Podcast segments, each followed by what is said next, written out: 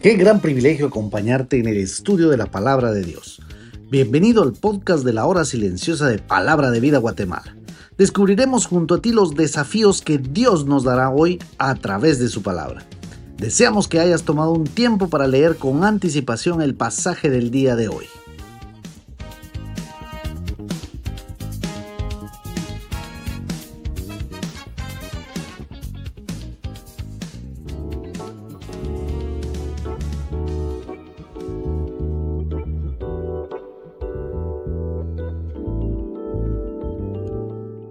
Bueno estar en el comentario de la hora silenciosa. Te saluda Oscar Fuentes del Ministerio de Palabra de Vida aquí en Guatemala. Hoy estaremos en la cita de Ruth capítulo 2 del 1 al 12 y un escritor dijo lo siguiente. Señor Jesús, tú eres mi justicia, así como yo soy pecador. Has tomado sobre ti todo lo que soy y me has dado y cubierto con todo lo que tú eres. Tomaste sobre ti lo que tú no eres y me diste lo que yo no soy. Y justamente eso es lo que vamos a comentar el día de hoy, hablando del pariente redentor, aquella persona que era un pariente cercano a la vida de Ruth. No sabemos ni tenemos mucho detalle de dónde era el pariente, pero sin duda alguna era el que iba a redimir aquella mujer que había quedado desamparada pero solamente decir desamparada es una palabra porque Dios estaba con esta mujer y el pasaje dice lo siguiente. Tenía Noemí un pariente de su marido, hombre rico de la familia de Elimelech, el cual se llamaba Boaz. Y Ruth la Moabita dijo a Noemí, te ruego que me dejes ir al campo y recogeré espigas en pos de aquel cuyos ojos hallaré gracia. Y ella respondió, ve hija mía.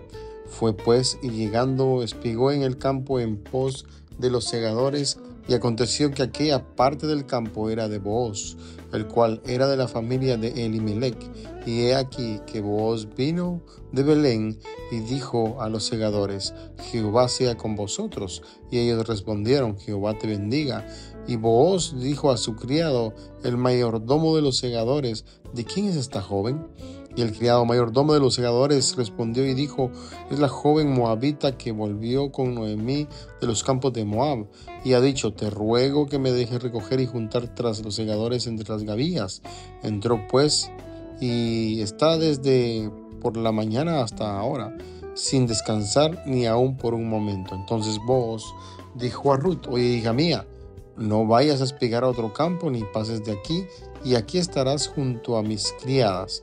Mira bien el campo que siguen y síguelas, porque yo he mandado a los criados que no te molesten y cuando tengas sed, ve a las vasijas y bebe del agua que sacan los criados. Ella entonces bajando el rostro se inclinó a tierra y le dijo, ¿por qué he hallado gracia en tus ojos para que me reconozcas siendo extranjera? Y respondiendo vos le dijo, he sabido todo lo que has hecho con tu suegra después de la muerte de tu marido, y que dejando a tu padre y a tu madre y la tierra donde naciste, has venido a un pueblo que no conociste antes. Jehová recompense tu obra y tu remuneración sea cumplida de parte de Jehová, Dios de Israel, bajo cuyas alas has venido a refugiarte. Cuando vemos los primeros versículos que hablan acerca de Ruth, que verdaderamente respetaba a Noemí, que realmente lo hacía como si fuera su madre. Solo veo que se ha perdido mucho esto entre nosotros o en los jóvenes, el respeto que cada una de la gente tiene que tener hacia otra persona. En este caso, Ruth tuvo o estuvo dispuesta allí en este capítulo hacia una actitud a Noemí, una actitud de obediencia, a pesar de que no le debía mucha obediencia, ella tenía una buena actitud, un acto de mucha confianza porque sabía qué clase de persona era Ruth, fue lo que le demostró Noemí. Vienen los siguientes versos del 3 al 4 que hablan del trabajo arduo que ellos hacían trabajo arduo que al parecer se ha acabado en estos últimos tiempos y en estas nuevas generaciones. ¿A qué me refiero con esto, que hoy pareciera ser que no hay mucho esfuerzo en las generaciones que hay. Hoy queremos todo fácil, queremos todo rápido y las nuevas generaciones están adoptando esto para sus vidas.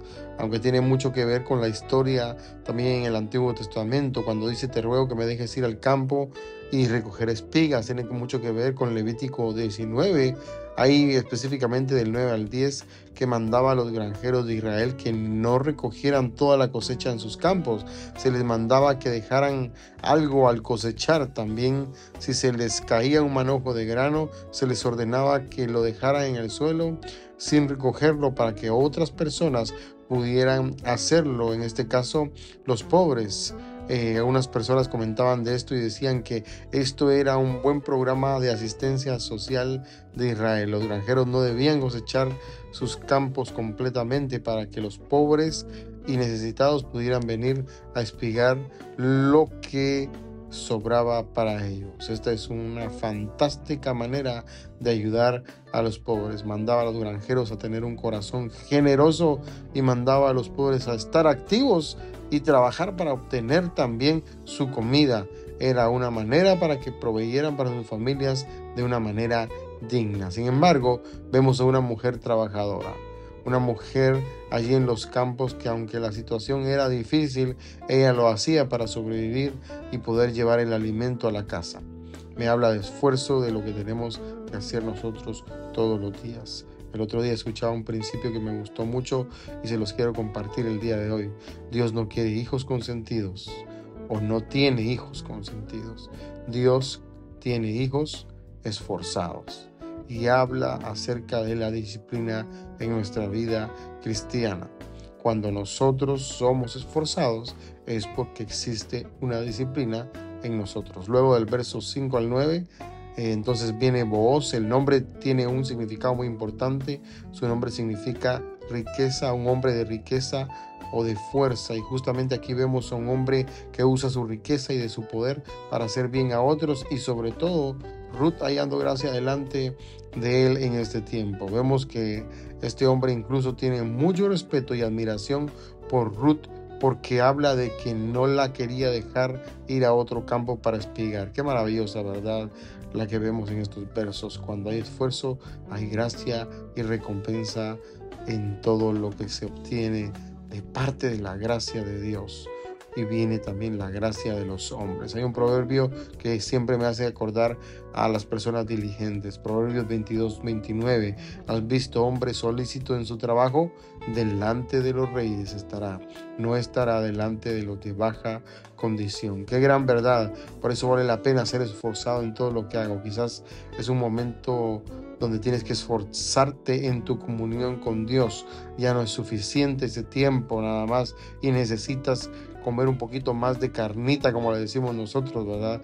Un poquito más para que puedas esforzarte y llenarte tu mente y tu corazón de la palabra de Dios. Y los últimos versos hablan del 10 al 12 que Ruth hacía una gran pregunta, ¿por qué ha hallado gracia en sus ojos?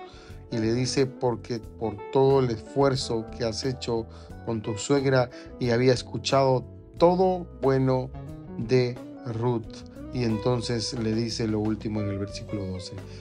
Jehová recompense tu obra y tu remuneración sea cumplida de parte de Jehová Dios de Israel, bajo cuyas alas has venido a refugiarte. Por eso vívelo ¿En quién estás confiando en medio de las dificultades, mi querido oyente? ¿Te estás esforzando en tu vida cristiana o te has acomodado a hacer lo que bien te parece acostumbrado solamente a que la gracia de Dios está en tu vida y no hay ningún mínimo esfuerzo para servir al Señor, para tener una comunión con Él? A nosotros ya se nos compró con su sangre.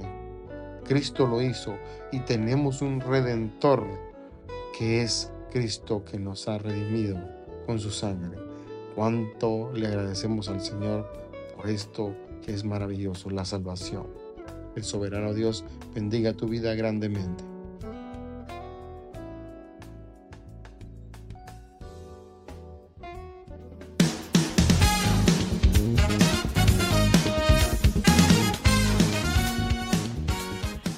Es emocionante saber los tesoros que Dios tiene en su palabra para nosotros.